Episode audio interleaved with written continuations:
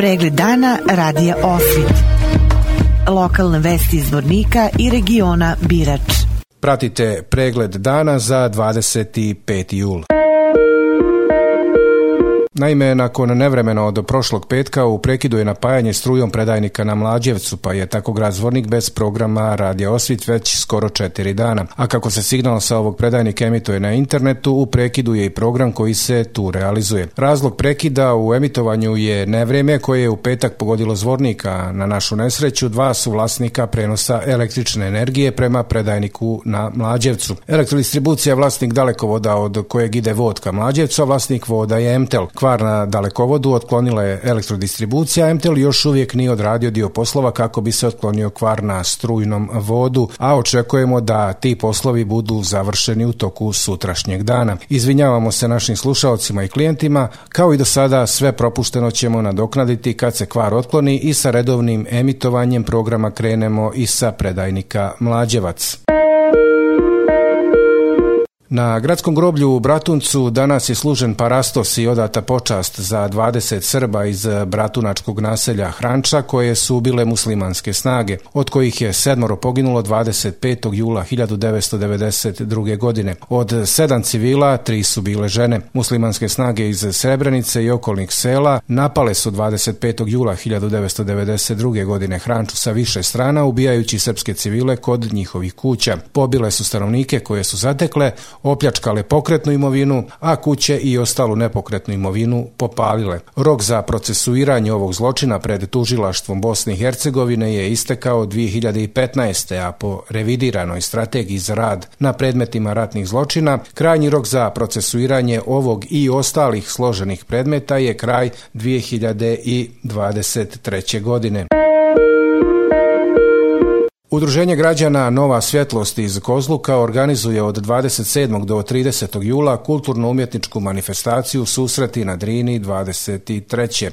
Ovi susreti u Kozluku donose niz zanimljivih programskih sadržaja, niz aktivnosti u okviru praznika Vedrine, kako su druženja u okviru susreta na Drini opisali organizatori. Prvog dana u četvrtak 27. jula u 19 časova u likovnoj galeriji u centru Kozluka Udruženje Nova svjetlost organizuje promociju knjige iz Njedara one čaršije kozlučkog autora Rizvana Rizvića. U petak 28. jula se održava likovna kolonija koja od 9 časova počinje na izvorištu Kiseljaka. Taj dan je i Bavnjijada, kulinarski program sa pripremom jela od bavnje, odnosno bamije, koji je ispred likovne galerije od 11 časova. Izložba slika sa prošlogodišnje likovne kolonije izložba fotografija posvećenih povratku Nijedna kuća ko svoja, Nijedna rijeka kod Rina od 19 časova se održavaju u centru Kozluka. To veče u petak od 20.30 je i zabavno muzički program Sevdah na Drini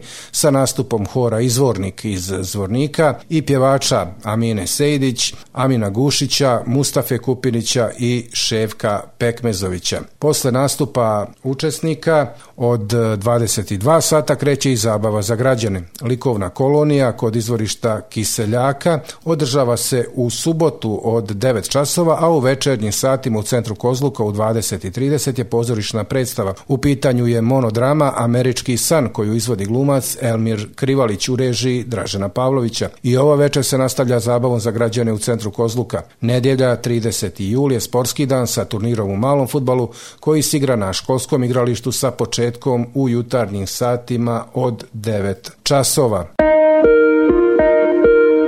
A u Domu omladine u Zvorniku sutra će biti održan treći festival Sevdalinke Drino Vodo, Zvornik 2023. Na festivalu će prema najavama nastupiti dvadesetak vokalnih solista, istinskih znalaca u izvođenju tradicionalnih pjesama i Sevdalinki. Festival počinje u 19 časova, a ulaz u Dom omladine je slobodan. Proteklog vikenda bokserski klub Obilić iz Zvornika organizovao je školu boksa koju je držao poznati kubanski trener Pedro Granado. Bila je to prilika da se mladi zvornički bokseri i treneri upoznaju sa novim saznanjima o ovoj plemenitoj vještini i to od trenera koji dolazi iz jedne od najuspješnijih bokserskih nacija. Jedna vijest sa područja regije Birač, Olimpijski centar Jahorina saopštio je da su stopirani svi radovi na izgradnji ski centra igrišta zbog neriješenih pitanja između opštine Vlasenica i lokalnog stanovništva, te izrazili nadu da će zajedno sa lokalnom administracijom pronaći održivo rešenje kako bi bila nastavljena realizacija ovog važnog projekta. Podsjećamo, mještani Gornjeg Zalukovika u opštini Vlasenica blokirali su put kako bi spriječili njegovo totalno uništenje i kako bi onemogućili da izvođač radova započne posao posao, odnosno dovođenje vode sa izvora Jadra u ski centar igrišta. Mještani su do sada nekoliko puta blokirali put tražeći od Olimpijskog centra Jahorina da im da pismenu garanciju da će asfaltirati put. Iz Olimpijskog centra Jahorina su se ranije oglasili rekavši da im je jasna zabrinutost mjesnog stanovništva, ali da je asfaltiranje puta u nadležnosti lokalne samouprave, a ne Olimpijskog centra. Pratili ste pregled dana za 25. jul.